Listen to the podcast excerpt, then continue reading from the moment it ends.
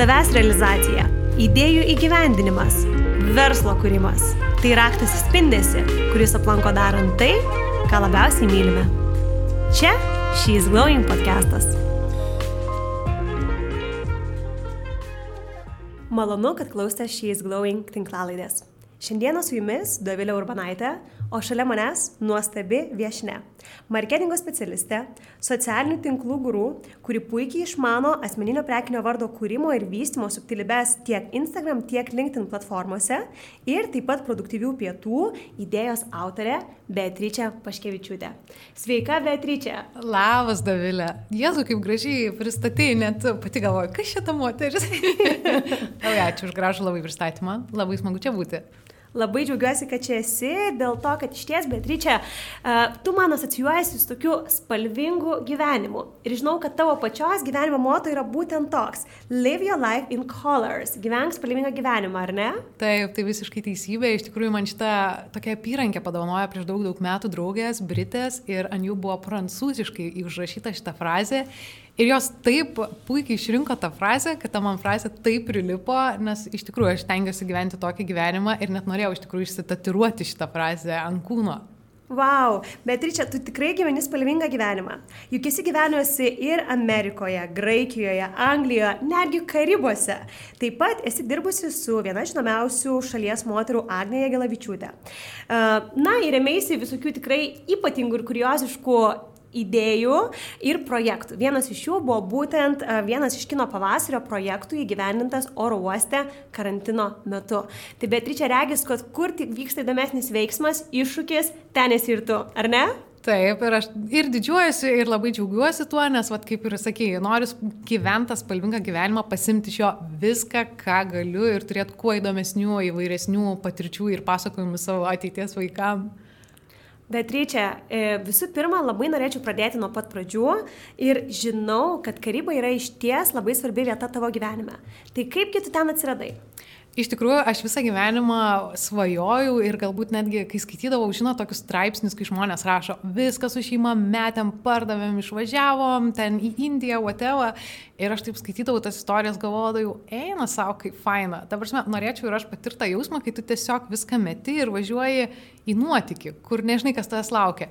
Tai aš gavau tokią galimybę važiuoti į Karibus, pagyventi jachtui, padirbti vaiko auklę. Ir tuo metu man atrodė, kad That's it, čia mano gyvenimo šansas, toks take it or leave it. Ir galvoju, nu negaliu tokios galimybės praleisti, labai norėjau to iššūkio jachtų gyventi kažkur vandenyne, kur į namus turiu patekti su dingiu, su mažu laiveliu.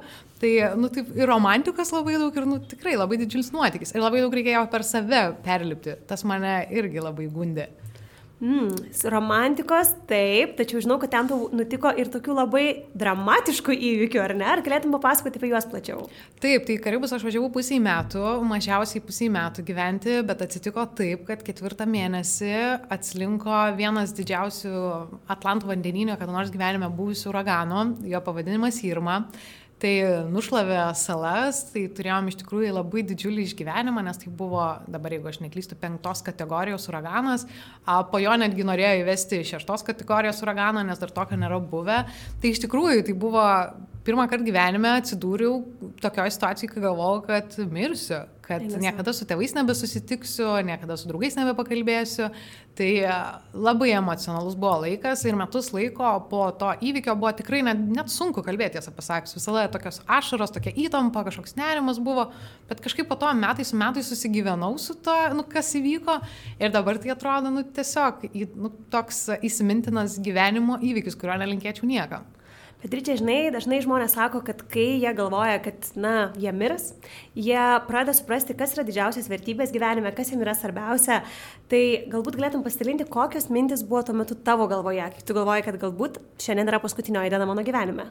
Šeima. Vienintelis žodis, vienintelis, ką galvojau, tai buvo visiškai šeima. Niekas tuo metu nerūpėjo nei pinigai, nei karjera, nei kad čia esu karibose pasaulyje. Tapsime, absoliučiai niekas tau pasidaro nei įdomu. A, tiesiog galvoja apie šeimą. Ir kai mums uraganas baigėsi, kadangi mes neturėjom ryšio 30 valandų, tai pirmas noras buvo vis tiek rasti būdą, kaip pranešti į Europą, kad mes esame sveiki. Nes e, tėvai po to, kai paskui, nu, jie ėjo visi, visi nu, ten dvi paras praktiškai be miego, ant vaistų, su didžiuliu nerimu, ašarom ir panašiai. Nes, nu, tu nežinai, ar tavo, artimi, ar tavo artimas vat, vaikas šiuo metu aš, ar aš gyva buvau. Tai aišku, mes ten e, pakankamai saugiai buvom, viskas buvo gerai, bet e, jo, širdelė galvojau, kad iššoks iš krūtinės tikrai, tikrai, tikrai. O kaip tau pavyko išgyventi? Kur jūs slėpėtės? Ką jūs darėte? Mes e, turėjom praleisti jachtui, bet paskutinę minutę persigalvojom realiai ir mus nuvežė pas tiesiog nepažįstamų žmonės. Aš nepažinojau tų žmonių, tiesiog pirmą kartą atvažiavau ir sakiau, sveiki, aš pas jūs praleisiu uraganą, nu, prabūstas dienas. Tai buvo visiškai fantastiška, kaip žmonės susivienyje ateinančios nelaimės metu arba net po nelaimės. Tai vad man gal ta pamoka dar buvo apskritai, ką aš įsinešiau po uragano, kad žmonių bendrystė ir vienybė yra nu, kažkas e, visiškai nerealaus, ką mes tikriausiai ir dabar Ukrainos e, kontekste matom, kaip lietuviai būrėsi ir daro įvairias iniciatyvas, komunikuoja, paremia e, pinigais darbu, kuo tik tai gali. Tai tas, tą dalyką stebėti iš labai arti yra nu, nuostabu, nes, pažiūrėjau, po uragano mes visi kartu ėjom ir kelius atlaisvint nuo medžių, ir laidus rankiot, ir aš pati valiau tiesiog namą su kempinė, nes jie buvo tokie apnešti, kad, nu, baisu, visi kartu stikliukus rinkom, visi dalinomės maistu, kas ką turėjo, generatoriais, nu, va, viskuo dalinomės, kuo galėjom. Tai tas labai faina, kad žmonės nelaimės atveju labai susivienyje. Ir ta bendrystė tokia, wow, nes aš kaip dabar atsimenu, buvo kelios išmybės, kurios būtent toj saloj turi savo, nu, nesotybas, bet vilas. Tai jie savo Twitteriuose rašė žmonės, raktas yra po tuo ir tuo akmeniu, naikit pasimkit maisto likučius, kas ką tik rasit, imkite, eikit mėgotkit, jeigu neturit stovį ir panašiai. Tai buvo wow, tikrai labai, labai gražu tai stebėt. Ir man iš tikrųjų, kai aš puragano pagaliau atsidariau telefoną, kas mane nustebino, kad aš radau tiek žinučių ir skambučių, kad aš pasijaučiau kaip, nežinau, svarbiausias žmogus žemėje, nes rašė net nepažįstami žmonės, ar tau viskas gerai ir linkiu ten, melčiuosi už tave ir panašiai. Tai tas buvo wow. Ir dar vienas dalykas, kas man labai įstrigo, kad uh, aš galvojau visą laiką, kad aš netikinti esu. Nu, kad nelabai man ta bažnyčia, gal čia tėvai liepiai, tai einu, bet iš tikrųjų per uraganą pati melžiausi pirmą kartą taip labai nuoširdžiai sėdėjau ir melžiausi ir supratau, kad e, gal vis dėlto ir tikiu. Wow. Kiek, ja. visa, kiek laiko visą tai truko? O, tai truko apie, nu gal toks pats uragano tas stiprumas apie 6-8 valandas. Jau ant galo mes buvom pavargę ir visi užmygom ir tiesiog nes labai įdomu, nes uraganas per mus ėjo pats epicentras ir nu, uraganas toks yra dalykas, kad jeigu tu esi tam epicentre, tai tu turi dvi uragano bangas. Jisai ateina iš lėto iš lėto, stiprėja iki vadinamos uragano akies, jeigu nesuklysiu dabar su terminu, tada per tą akį staiga iš maksimumo jisai dinksta, kokiam pusvalandžiui ir mūsų atveju tai buvo ir tada po pusvalandžio jis vėl nuo maksimumo mažėjančiai ir palieka salą. Tai mes atsimenu per tą uragano akį išėjom į lauką ir supratom, kad blogai. Tai prasme, kad tikrai, jeigu mes nieko nedarysim, bus blogai, tai mes dar bandėm Apart to, kad apskritai jau buvo apkalnėtos ir langai, ir duris, ir priremta, ir medžiai apkirsti aplinkui, tai mes dar bandėm ir baldus pristumti, ir kai kur bėgo vanduo namie, nes buvo tas uraganas labai lėtingas, tai žodžiu, dar bandėm per pusvalandį taisyti situaciją, bet aš, aš atsimenu, aš išėjau į lauką ir aš negalėjau patikėti, nes, nu, karibai yra velniškai, ypatingai Švento Bartolomėjaus sala, nu, tai yra viena šiaip prabangiausių, gražiausių salų karibuose. Ir aš pamačiau, kaip jinai atrodo ir, nu, ta prasme, tai yra, nu, šokiruoja. Tikrai šokiruoja, nu, širdį, nes tu negali patikėti, kad taip per 8 valandas gali pasikeisti sala ir aplinka visa. Tai įdomus jausmas, labai. Wow, Beatričia, ačiū, kad pasidalinai ir labai įdomu, kaip tavo gyvenimą pakeitė šitą situaciją. Ir žinai, kaip dažnai būna kažkas, nežinau, nutinka blogo ir galim galvoti, čia pasaulio pabaiga, čia viskas labai blogai.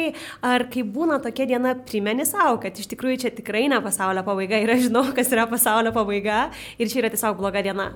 A, kartais taip, stengiuosi priminti, aš atsimenu, kai grįžau, man brolis pirmas jo klausimas buvo, nu tai ką dabar sako, nebeverksi, kai lietus lyja. Nu jis taip ironiškai paklausė. Bet iš tikrųjų, nu, kai tu gyveni, tau tada kiekvienas tas down vis tiek, nu, jis sujaukia tavo mm. galvoj daug dalykų ir paverki, ir dėl smulkmenų kartais atrodo. Bet e, jo, nu pagalvoju, aš gal labiau pagalvoju, kad aš per mažai kartais darau dėl kitų. Esu labai daug kartų nusivilus dėl to darimo kitiems kažkokio gerumo, Bet, pavyzdžiui, net karo va, dabar kontekste, man atrodo, kad aš per mažai kartais darau.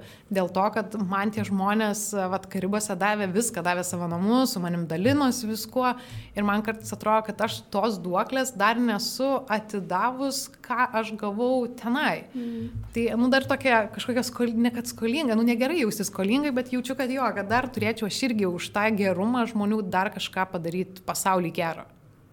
Tai dabar, vertinant visą patirtį, vis tiek galėtum sakyti, kad tai, nors ir buvo tokia tragiška patirtis iš tikrųjų, jinai tikrai paliko tavyje daug teigiamų pokyčių. Taip, tikrai taip. Nu, karibai, wow, aš šiaip man, ta prasme, tai buvo inspiracija, kai aš pradėjau rašyti savo blogą, leidau savo atsiskleistam kitokiam rašymo stiliui, nes aš prieš tai dirbau komunikacijos agentūrai. Mes vis tiek pagal taisyklės rašydavom pranešimus, o tada aš pagaliau leidau savo asmenybę išvitėti per tekstą, rašyti taip, kaip man patinka ir aš manau, kad e, tas man leido ir va, dabar komunikuoti taip, kaip aš komunikuoju. Nu, tai buvo ta pradžia, kur nu, išlaisvinau save. Tai reiškia, karibai inspiravo. Supratau, Beatričia, ir tuomet, na, išgyvenai visą tą situaciją ir nutarė grįžti į Lietuvą, ar ne? Taip. Ir grįžusi į Lietuvą, visai netrukus pradėjai darbuoti su tikrai labai žinoma Lietuvoje moterimi Agnė Gelavičiūtė. Kokia mokykla buvo ta patirtis? Su Agne tikrai dirbti buvo labai labai įdomu. Jis, kaip visi žino, tikrai lab, dar spalvingesnė asmenybė negu aš. Jis yra labai labai versli moteris, kaip ir Dovilė. Yra idėjų generatorius, kur atrodo vieną dieną sugalvoja idėją, kitą dieną jau įgyvendinam tą idėją. Tai tas tokių moterų tikrai aplinkoje bent jau aš neturiu daug. Nu, tai vad kaip ir Dovilė tikrai yra pavyzdys, lygiai taip pat ir Agne yra. Tai buvo įdomu, nes darbas labai nemonotoniškas, labai dinamiškas, labai daug skirtingų projektų. Vieną dieną važiuoju į Kauną reklamą kažkokią filmuoti ar daryti, kitą dieną, nežinau, spausinam knygelės, trečią dieną darom renginį, penktą dieną dar kažką darom. Ir labai, nu, tokių, labai daug žmonių aplinkui įdomių, labai skirtingų, skirtingų specialybių. A, tai, nu, labai daug ko išsinešiau. Tikrai daug. Ir labiausiai gal neinspiravo tokios laisvės savo, kad uh, kiekvienas mes turim būti tokie, kokie mes norim, o ne kaip visuomenė gal bando mus formuoti. Mm. Tai tos laisvės, manau, iš jos e, tikrai galima pasimokyti labai daug. Fantastika. Ačiū labai už nuoširdų pasidalinimą.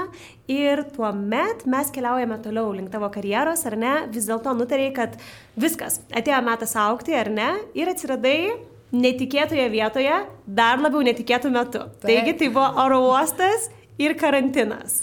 Taip, tai į Vilnius oro uostą aš tikrai excited labai buvau, nes e, turėjau padėti jiems su naujų projektų, su naujai statomų VP terminalu ir konferencijų centru, a, dirbti su visais jų filmavimais, renginiais. Ir jo, mes tik atrodo įsibėgėjom, aš ten pradėjau vesti klientus ir staiga karantinas. Ir nu, renginių spekt, e, sektoriui, tai karantinas, aišku, kirto nu, vieniem labiausiai. Nesakau, kad nu, tai labiausiai nukentėjus rytis, bet nu, tie, mes nieko negalėjom daryti. Absoliučiai surišo mūsų rankas. Tai, e, nu, toks buvo klausimas, atrodo, nu, kodėl būtent dabar. Nu, bet supratau, kad uh, nieko negaliu to pakeisti. Tiesiog laukiam, kol karantinas pasibaigs. Ir realiai jau karantinas buvo prasidėjęs kovą, o balandžio mėnesį į mus kreipėsi kino pavasaris su crazy idėja ant perono, kur šiaip stovi lėktuvai, daryti kino pavasarį su automobiliais, drivino principu.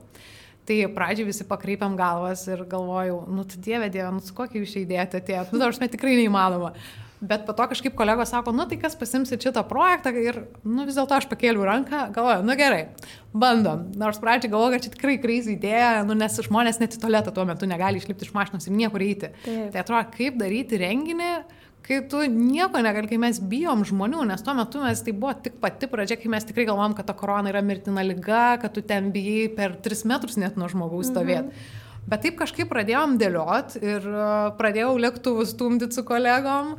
Ir per mėnesį viską sudėliom taip, kad kino pavasaris buvo nu, tikrai labai įspūdingas projektas, kuris sugeneravo apie 500 publikacijų, kurių apie 100 buvo apskritai nuėjusios per pasaulį, per BBC News, per New York Times ir netgi keletas oro uostų iš pasaulinių kreipėsi į mus ir klausė, kaip jūs tai padarėt, papasakokit, pasidalinkit savo praktiką.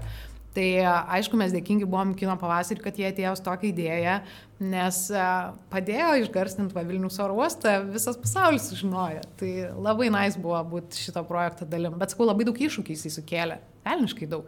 Nes sakau, tuo metu žmonės negalėjo išlipti iš mašinos ir net nueiti tiesiog į tualetą. negalėjo bilietų parodyti. Nu, tai prasme, ten buvo hardcore'as. Bet kaip vertintum uh, žmonės, kurie vis dėlto dalyvavo? Ar tas dalyvių skaičius buvo didesnis, negu jūs tikėjotės, kai pradėjote vystyti šią idėją? Um, negaliu pasakyti, neatsimenu, koks mūsų iš tikrųjų buvo tikslas, bet man atrodo, jeigu aš neklystu, per uh, visą laiką apsilankė 15 tūkstančių žmonių ar automobilių. O dabar užsikirto informacija, bet kad rezultatas tikrai visus nustebino, kiek žmonių mes sugeneravom per mėnesį tiksliau kino pavasaris kiek sugeneravo. Srautas tikrai buvo didelis ir kadangi tuo metu negalėjau renginių daryti, tai padarėm taip, kad pro mūsų pastatą pravažiuotų visos tos mašinos į kiną, kad vis dėlto vis tiek visi žinotų, kad mes turim naują renginių vietą ir naują VIP terminalą. Tai realiai, nu, va šitoje vietoje vis tiek buvo ir įvaizdžio dalis labai didelė. Fantastika. Tai, jo, tai nu, kino pavasaris labai padėjo, nes žmonės sužinojo, kad Vilniaus oro uoste galima daryti ne tik, nu, kad apskritai, kad oro uostas skirtas ne tik keliauti, nu, nes taip dauguma galvoja, atskrendu, išskrendu, vetsit, mano kelionė čia baigta, bet kažkaip tada klientai įsidrasino, mes įsidrasinom siūlyti visokias krizį vietas, ten oro uosto parkingus, kur vat, po to turėjom jogą, driftą, po to vat, Red Bullio šau turėjom lygiai taip pat ant perono, kur riboto patekimo zono, kur šiaip nepadaryti padarysi renginio. Tai, žodžiu, mes po to jau e, pasileidom plaukus ir tikrai labai įdomių turėjom projektų. Ar neklystu sakydama, kad turėjote ir vestuves? Taip, oro uoste turėjom nemažai ir vestuvių iš tikrųjų, kol aš dirbau ir mat kaip tik mačiau ir praeitą savaitę buvo Vilnius oro uoste vestuvės. Kokio tipo poros renkasi oro uostą? A, mėgstančios keliauti. Arba tos, kurios labai pasilgo kelionę, nes atsimenu mano pirmieji uh, vestuvininkai berots ir buvo, kurie velniškai mėgsta keliauti ir sakė, Jėzu, kaip mes pasilgom, nes kadangi konferencijų centras Vilniaus oro uoste turi langą į peroną, kur dabar jau apskritai, jau kai aš išėjau, dar patobulino, patobil, patobulino peroną ir dabar palipat pat langų statusi orlaiviai. Tai, tai nuotraukos fantastiškos. Nu, realiai tu stovi šalia beveik lėktuvo pro langą. Wow, Beatričia, tavo gyvenimas iš ties yra labai spalvingas ir tiesiog negaliu nustoti šipsotis klausydama tavęs. Ir taip pat žinau, kad oro uostas į tavo gyvenimą atnešė dar vieną dalyką, kas yra LinkedInas. Taip. Ar ne? Kodėl būtent šis darbas ir LinkedInas turi kažkokį ryšį?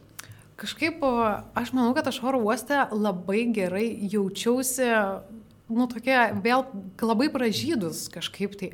Man visa ta veikla, ką aš dariau, aš jaučiau tokį darbinį adrenaliną, kuris yra labai teigiamas, kur net kolegos, eks-kolegos juokėsi, sako, tu ateidavai į kabinetą ir sakydavai, Hebra, žinokit, kas bus, eina savo jūs ir eidavau per visus kabinetus ir nesvarbu, ar ten buvo alterio vos ne, ar ten nu, nieko nesusijęs su mano veikla, jie vis tik praktiškai visi žinodavo, kas pas, bet ką bet ryčia vyks, tipo, darbė už savaitės. Mm. Nes nu, man kažkaip tos visos veiklos, tie projektai labai tokiu užsidegušas jaučiausi ir automatiškai man norėjosi tuo dalinti su žmonėm.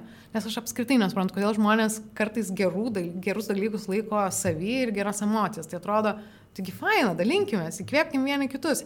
Ir aš kažkaip pradėjau tas istorijas pasakot per LinkedIn. Ir ne tai, kad sausai pasakot, pas mus buvo kino pavasaris. Nu, niekam neįdomu, kad pas jūs buvo kino pavasaris. Visiems įdomu, kaip jisai vyko, kodėl, kokie prieštai, kas nesisekė, kas sekėsi.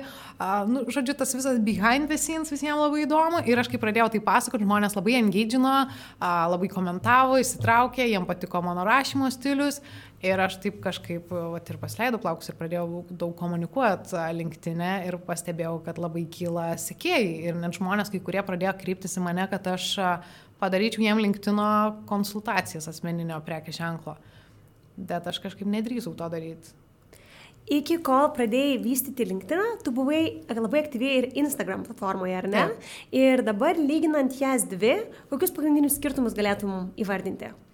Man atrodo, kad Instagramas vis tiek visada liks tokia laisvalaikio platforma, kur žmogus, kai ateina, tu nori atsipalaiduoti ir tiesiog paskrolint, pasižiūrėti, kas keliauja, kas ką rengiasi, kas ką valgo, nu tokia visiškai laisvalaikio turinys, man atrodo. Ne, o vat linktinė, man labai faina, kad aš galiu varijuoti savo tematikas. Linktinė, vat, pasilikti profesionales visiškai temas, kas susijęs su darbu, tobulėjimu, net ir tas pačias kokias knygas skaitai, kur eini kokias konferencijas ar apskritai ką darai, o vat būtent Instagram'e palikta tokį nu šiaip, kokia aš esu gyvenime po darbą. Nors aš ten irgi miksuodavau temų apie darbą, ypatingai apie oro uosto veiklą, tai visiems, nu ir va, su Agne, kai dirbau, visiems tikrai labai patiko ir visiems buvo labai įdomu. Bet ką aš pastebėjau, kai aš vienu momentu galvojau, ai gal aš Instagramą paversiu visiškai savo LinkedIn komunikaciją, tai aš pastebėjau, kad tada labai krito engagementas ir kai klausiu žmonių, kas atsitiko, tai visi sakė, kad, kaip, nu, kad vat, Instagram'e nenori to profesionalaus turinio, kad nori labiau, ne kad profesionalus, bet jo, nu, iš profesinės pusės, kad jie labiau nori tokio atpalaiduojančio, neverčiančio galvoti ir, nu, tokio labai laisvo. Tai tada supratau, kad e, faina man, kad aš turiu tas dvi platformas, tai va, linktinė visiškai kalbu apie darbą, Instagram'e tiesiog ką aš veikiu, kas man užžina realiai kiekvieną dieną. Kuri iš šių platformų tau pačiai yra artimesnė? Jeigu taip nuoširdžiai dabar LinkedInas labai stipriai auga, tai dabar atrodo, kad norisi labiau investuoti laiko ir jėgų ir idėjų į LinkedIną. Nes taip automatiškai, kur matai didesnį augimą, tas tave motivuoja dar labiau kažką įdomaus ten kurti ir daryti. Beatričia, kadangi tu tikrai labai gerai pažįsti abi platformas, o taip pat tikrai labai gerai išmanai ir asmeninio prekinio vardo vystimo subtilybės, aš labai norėčiau, kad tu pasidalintum su mūsų klausytojais savo top patarimais į ką tu siūlytum atsižvelgti žmonėm, kurie nori vystyti savo prekinį vardą tiek vienoje, tiek kitoje platformoje. Tad pradėkime nuo Instagram. Kokias galbūt dažnas matai klaidas, ar į savo patirties įsigryninai, kad šitie dalykai yra svarbus. Nes nebejoju, kad ne vienas mūsų klausantis žmogus yra toje dabar situacijoje, kai nori auginti savo Instagramą, tačiau jisai, mat, neauga ir viskas. Jo, aš iš tikrųjų gal su Instagramu nebūsiu geriausia patarėja, bet aš manau, kad jo, tai ap, apskritai aprašymą labai svarbu apsirašyti, ką tu veiki, ką, kokiam temam tu komunikuoji, nes žmonėms iš karto yra aiškiau, kai tu ateini į naują profilį ir tu paskaitai ir tada supranti, ko aš galiu iš šito žmogaus tikėtis. Nes jeigu nėra aprašymo, tai kartais nu man pačiai sukelia tokį kartais ir įdomu tada kaip tik paskrolint, ką jis ten daro, bet kartais tada, jeigu neturi laiko, tu nelabai ir gaišti. Nu, nebenori skrolinti ir bandyti čia įsigrininti, ką jis kokį man turinį jisai duos.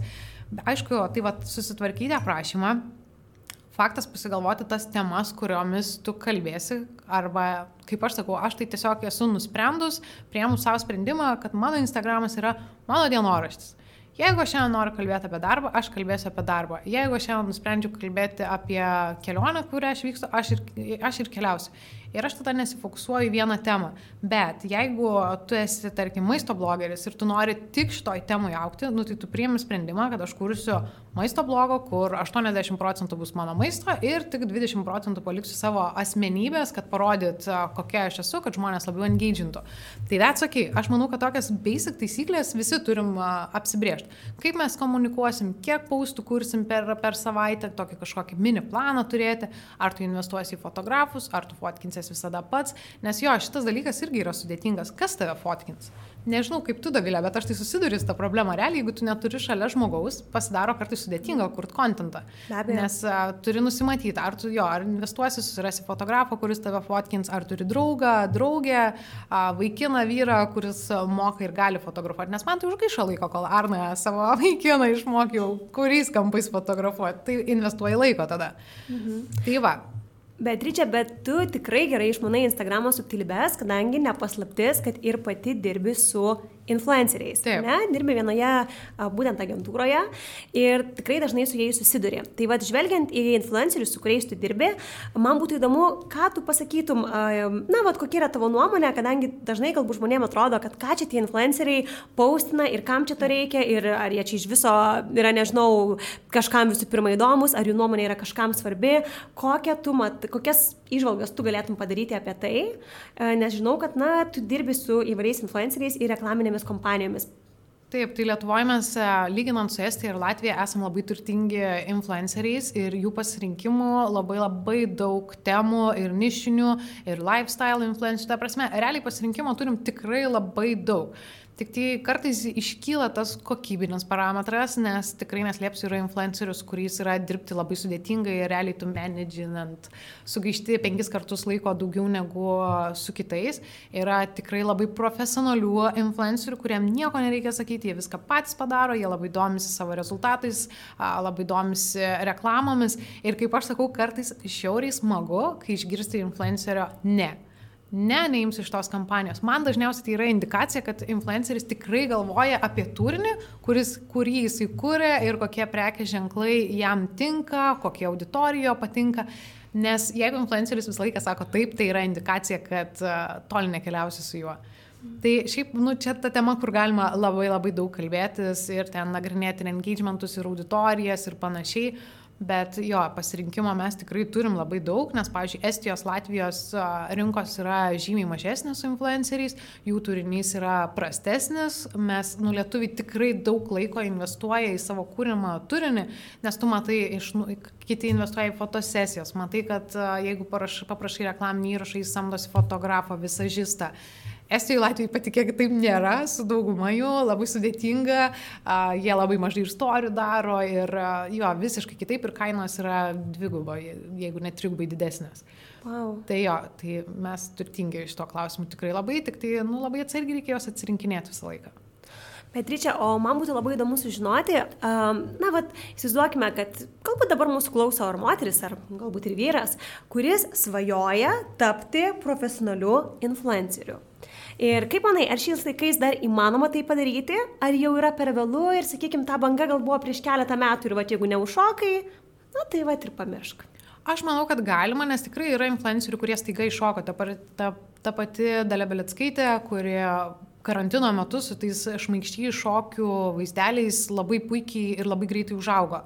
Bet čia yra, va ir su tavim prieš kelias dienas iš tikrųjų diskutavom, kad jeigu tu nori būti tik influenceris, influenceris, tai yra sudėtingiau, nes praktiškai visada labiausiai auga tie žmonės, kurie yra matomi televizijoje, radijoje, kad tai influencinimas nėra jų pagrindinė veikla, kad tai jie daro dar kažką šalimais kaip realiai pagrindinį kažkokį darbą arba dalinai pusiau darbą.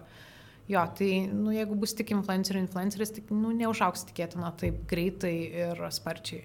Bet jeigu žmogus nuspręstų dabar pradėti Taip. savo kelią, ar sakytum jam geriau susisiaurinti į vieną nišą? Na, pavyzdžiui, pasirinkti sportą, maistą. Čia gal priklauso nuo temos, nes aišku, dar aš net kažkada jau juokiausi, mano tėtis, pavyzdžiui, yra tautinių drabužių siuvėjas. Žiūrėk, bet tokios, pavyzdžiui, temos tai nėra. Ir Taip. aš įsivaizduoju, kad būtų žiauriai įdomu, nes vat yra Indrė, kuri ir lygiai taip pat per karantiną pradėjo kurti turinį apie etiketą. Jis yra vienintelė realiai, kuri kuria apie etiketą ir pažiūrėkit, jinai puikiai užauga. Jis yra puiki, puikus nišinės temos pavyzdys, kaip jis užaugo, nes jinai realiai nišų rinkoje nieko nebuvo. Jis atėjo ir parodė visiems, kas tas etiketas. Mhm, labai aiškiai, trumpai ir paprastai. Taip, uh, taip bet tai čia dėkoju. Taip pat labai norėčiau tas paklausti dėl uždarbio galimybių. Taigi Taip. labai daug yra mitų, tai kiek tie influenceriai iš tikrųjų uždirba, ar tai gali būti pilno etato darbas, o gal jie čia tikrai, nes dažnai jas matom su ten prabangiom rankiniam, prabangiose kelionėse, tai jie iš tikrųjų uždirba tiek daug, o bet ką tik pasidalinai, kad Estija ir Latvija uždirba dar 2-3 kartus daugiau. Tai kaipgi ten iš tikrųjų yra? A, tai viskas priklauso nuo tavo auditorijos dydžio, be abejo. Tai tikrai yra influencerių, kurie puikiai uždirba, bet jie jau tikrai turi didelės auditorijas, nes, nu, jeigu kuo tu mažesnis esi, tuo mažesnę kainą gali imti, tai to pasiekoja, tau reikia sukurti daugiau turinio, kad tu užsidirbtum ten 2000 ar 1000 eurų. Bet ką aš esu pastebėjus, kad man panašu, kad Lietuvos influenceriai nelabai kalbasi tarpusavį, Nes kartais 20 tūkstančių sekėjų turintis influenceris vienas gali imti ten 200 eurų, kitas 500 eurų. Ir atvirkščiai, nu ir aukščiau augant, daugiau auditorijos turint lygiai tas pats, vienas ima 2000, kitas ima pusantro tūkstančio. Aišku, tai negali vertinti tik pagal auditorijos dydį, nes, nu vėlgi, paėmus tą žmogų, kuris jau turi 200 tūkstančių sekėjų, jisai yra tikėtina ne tik influenceris, nu, žiūrint ypatingai mūsų gal 50-uką. Jie jau yra televizijos žmonės, tai tu realiai kartu susimoki dar papildomą kainą už apskritai jo veidą, nu, kad jis yra televizijos televizijai, radijoj, nežinau, gal knygų autorius ar dar kažkoks tai. Tai sakau, nereikėtų vertinti tos kainos tik pagal auditorijos dydį, tikrai ne. Supratau, bet tarkim, na, vat, ar yra daug Lietuvoje žmonių, kurie už savo įrašo ir, tarkim, istorijų kainą gali tikėtis gauti 1000 eurų? Tikrai taip laisvai. Gal dar reikėtų, būnant arba norint būti influenceriu, reikėtų įsivertinti vat, neseniai buvusią situaciją - karą, kai mėnesių laiko praktiškai sustojo visa influencerių komunikacija. Nu, praktiškai visi, man atrodo, labai mažai kas komunikavo ir dėjo kažkokias reklaminės žinutės.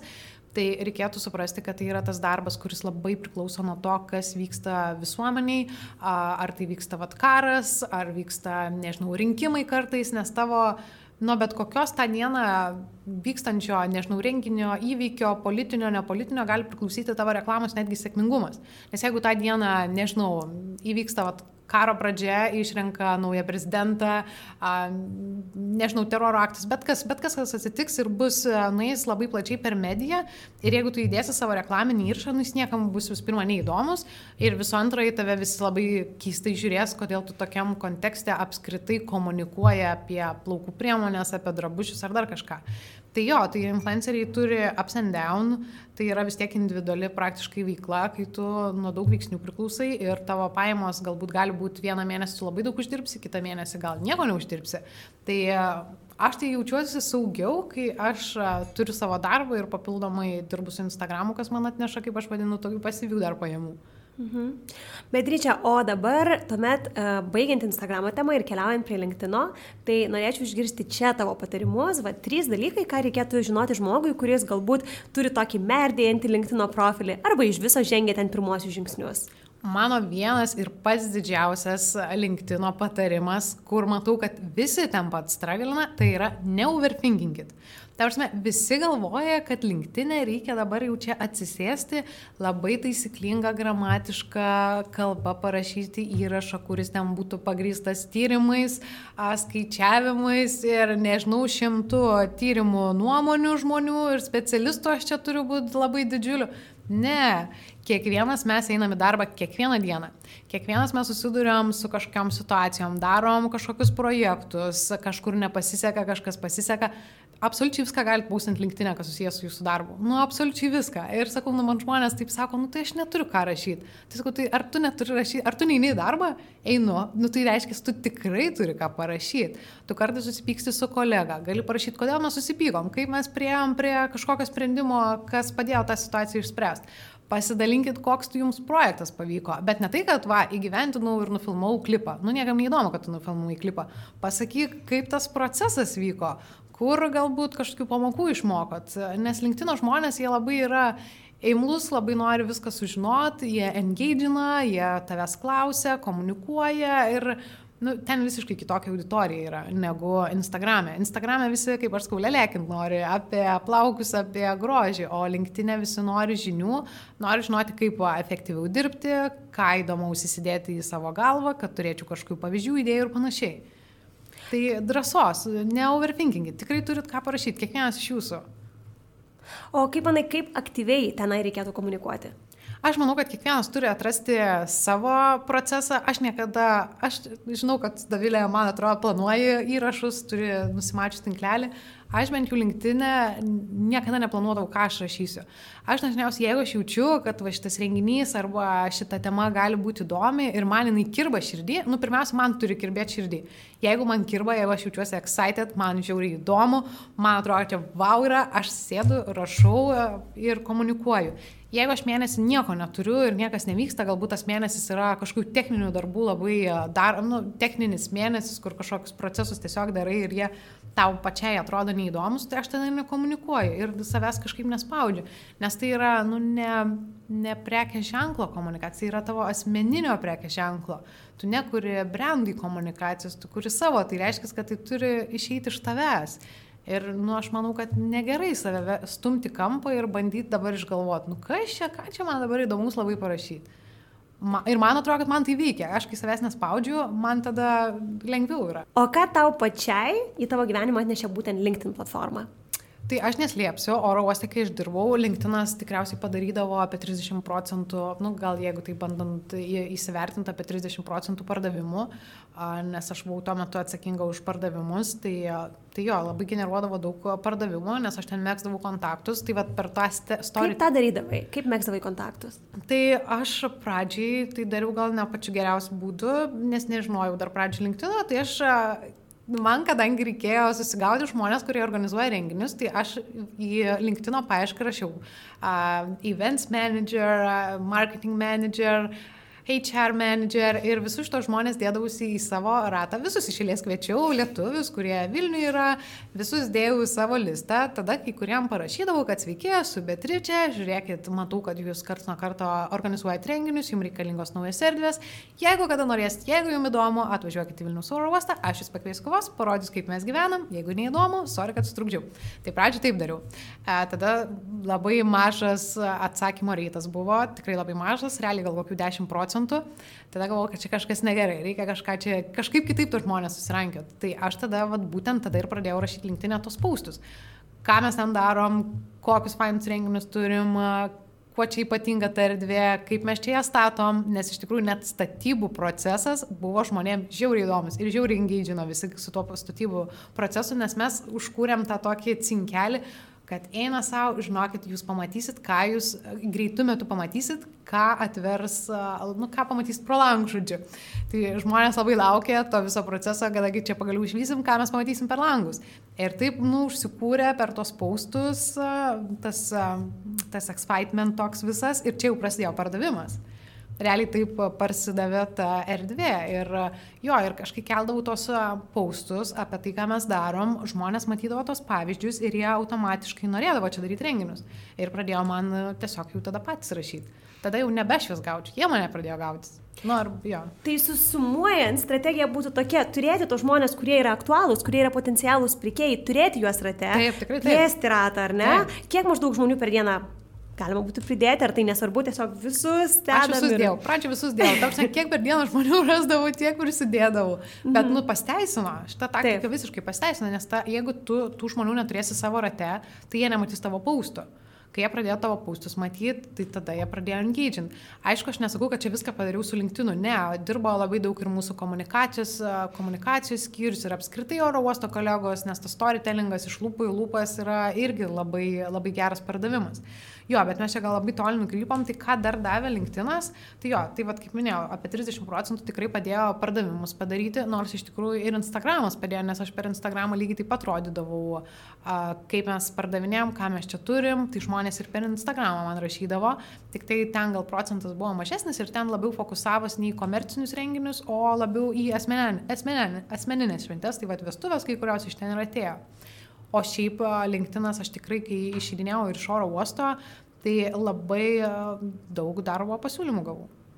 Tai vis tiek, kai esi matomas, žinomas, tau yra paprasčiau, lengviau ir žmonės tave mato pradeda žinot, kas tu apskritai esi, ką tu veiki gyvenime ir kuo gali būti kažkam naudingas, nes, nu, kreipiasi po to žmonės ir kontaktų manęs labai dažnai klausia, tai galvoju, gal reikia kontaktus pradėti pardavinėti. Čia jokauju, aišku, bet jo, smagu, kad į tave kreipiasi kažkokiu vienu ar kitu klausimu po to. Mhm. Ir taip pat žinau, kad LinkedInas buvo viena iš priežasčių, dėl ko tu pradėjai vystyti produktyvių pietų idėją, ar ne? Taip, iš tikrųjų, nu, ta idėja gimė, kaip aš išėjau iš oro uosto, atėjau kitą darbą Ir aš grįžau iš nu, oro uostas, kaip žinot, prie, praktiškai priemestis. E, ir grįžau į senamestį ir galvoju, dieve, kiek čia fainų, daug vietų valgyti, kaip aš noriu visur čia įtų valgyti, kaip noriu pagaliau ir su žmonėm į pietų, nes oro uostą iki oro uostą niekas nevažiuodavo. Ir taip kažkaip parašiau linktinę paustą, kad noriu eiti su žmonėm įvairiais, kurių nepažįstu pietų. Ir kažkaip ta pirminė reakcija buvo visų labai faina, man tikrai nemažai prirašė žmonių, kad aš pirmus 2-3 mėnesius užsibukinau. Tada labai faina buvo, nes labai skirtingi žmonės. Ten su vienu kalbėjom apie diskriminaciją mokyklose, su kitu kalbėjom apie kvepavimo techniką ir šiaip kvepavimo meditacijas. Tai vad po to pas tą moterį netgi jau į kvepavimo meditacijas iš tikrųjų tada su kitu žmogum ten e, apie karą, su trečiu, ketvirtu ten apie linktino komunikaciją ir su visais labai labai skirtingų temų, labai skirtingi kontaktai, labai skirtingų sferų žmonės ir tas faina, nes tu suvoki, kad kai tu nebesi jaunas, nu, jau suaugęs esi ir kuo toliau, tuo naujų pažinčių mažėja tavo rate automatiškai, nes nebe, nebeini į klubus, nebeini į studentų atstovybės ir panašiai. Ir čia tokia nauja galimybė atsivėrė pažinti žmonės.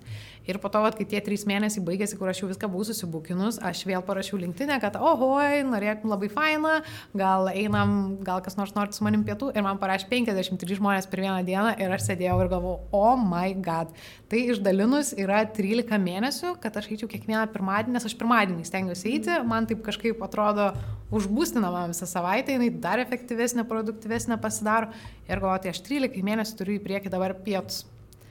Tai wow, galvoju, ir kažkaip žmonės labai pradėjo dalintis, tagint, kad uh, kiti nori į pietų, kad kiti nori kviesti. Ir taip sėdėjau ir sakau, na, čia kažką reikia dabar daryti, uh, kažkaip vystyti šitą idėją. Nu, ir sėdėjom su draugu, prigeneravom daug idėjų ir vat, šiandien pasileidom produktyvių pietų grupę į kurią vat, pusdienis pasižiūrėjau, prisijungė jau beveik 300 žmonių, tai man čia irgi šokiruoja ir matau žmonės jau per šitą pusdienį susitarė vieni su kitais ten paustindami, susitarė vieni su kitais į pietų. Tai man toks, uh, wow, galvoju, okei, okay, faina. Fantastika, tai iš tikrųjų tikrai labai pritariu būtent tam, ką ir sakėjai, kad dabar yra susirasti kažkokių naujų pažinčių kur kas sunkiau yeah. ir dar norisi galbūt ir pasižiūrėti, kad būtų kažkokių bendrų taškų, ką tu iškart galėtum šnekėti iš to žmogumi. Tai iš ties fantastiška idėja ir žmonių susidomėjimas puikiai parodo, kad tai tikrai yra labai labai aktualu. Nu, žmonės, manau, kad nu, vat, nebedrįsta gal kažkaip vieni kitų pakviesti, atrodo, awkward, kaip aš rašysiu nepažįstamam žmogui, kaip čia dabar, ką pasakysiu, aš noriu su tavim pietų, nu, gali gal, gal krypį netgi nuskambėti, nu, taip žmonės galbūt galvoja. Bet dabar žiūriu, visi strasino, visi vieni kitus kviečia ir taip faina iš tikrųjų smagu. Nes, nu, iš tikrųjų, mano irgi dar idėja, o tai kodėl tau reikia valgyti vienam? Ta prasme, aš tai su to požiūrio, kad ir kiek yra darbo, aš turiu eiti pavalgyti. Nu, man yra mast, aš kitaip pamirštu, ne, neturiu jėgų, tai man valgyti yra svarbu. Tai galvoju, tai tu per tuos pietus labai tavęs, visų pirma, tas laikas šiaip neįpareigoja, nes vakarė eiti po darbo tai yra labai neapibriešta. Ir tai kiek tai truks valandą, dvi, tris, ką tu geris kokteilius, kas po to. O čia toks pietus, valanda, turi mytų, suplanuota diena, valanda praeina, faina, smagu, ačiū ir išinė. Ačiū, Beatričia, tikrai labai įkvepianti idėja ir smagu, kad ji taip greitai populiarėja. Na ir pabaigai tiesiog labai noriu tavęs paklausti, akivaizdu, kad gyveni iš ties spalvingą gyvenimą, tokį, kuriame kolekcionuoji momentus, prisiminimus, naujus žmonės ir nuostabės akimirkas. Tai tiesiog labai norėčiau paklausti, ką, kas dabar tavęs laukia, kas yra tavo planuose. Oi, kad aš žinočiau, mano planai kartais labai greitai pasikeičia. Ir iš tikrųjų, kaip gyvenimas parodė, kad kartais planuot, tu gali planuoti vieną, o atsitiks absoliučiai apvers viską tavo gyvenimo aukštinkojom. Tai planuoju, atrodo svajoji, idėjas dėliojasi, bet ką parodė vat, ir COVID, ir karas, man ir uraganas, kad labai sunku planuoti savo gyvenimą.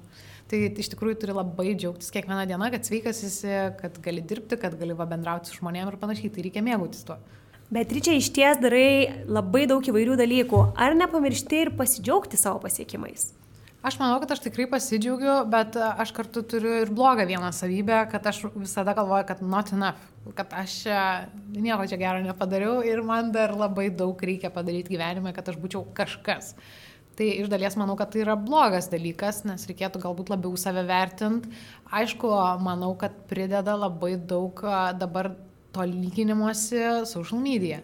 Mm. Turi blaivę galvą tai stebėti, žiūrėti kitų žmonių gyvenimus, bet nu, mes esam žmonės, mes kartais tiesiog pasiduodame emocijom ir tikrai lyginamės kartais su kitais.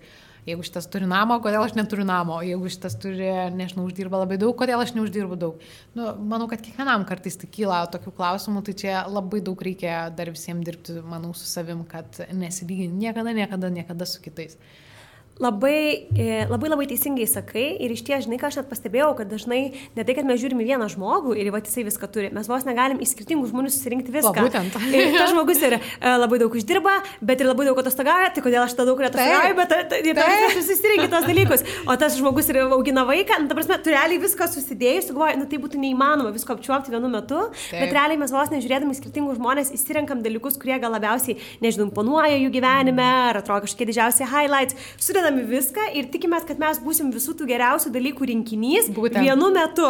Tai čia būtent, čia žinok, labai blogai, mane taip draugas kartais sustabdo, sako, baig sustok, sako dabar atsisėsk ir pagalvok, kiek tu turi ir kiek visko padarai, padarius. Ir tai taip sėdi, pradedi galvoti, nu jo, nu tikrai čia nemažai gal padariau iš tikrųjų. Tai kodėl čia save taip dabar, na, kodėl aš čia dar su kitais lyginuosi? Nes iš tikrųjų, vad nesnai dar psichologų, e, pinigų psichologiją skaičiau, tai ten labai įdomi irgi paaiškino, kodėl vad vieni taupo, kiti netaupo, mhm. kodėl vieni uždirba, kiti ne.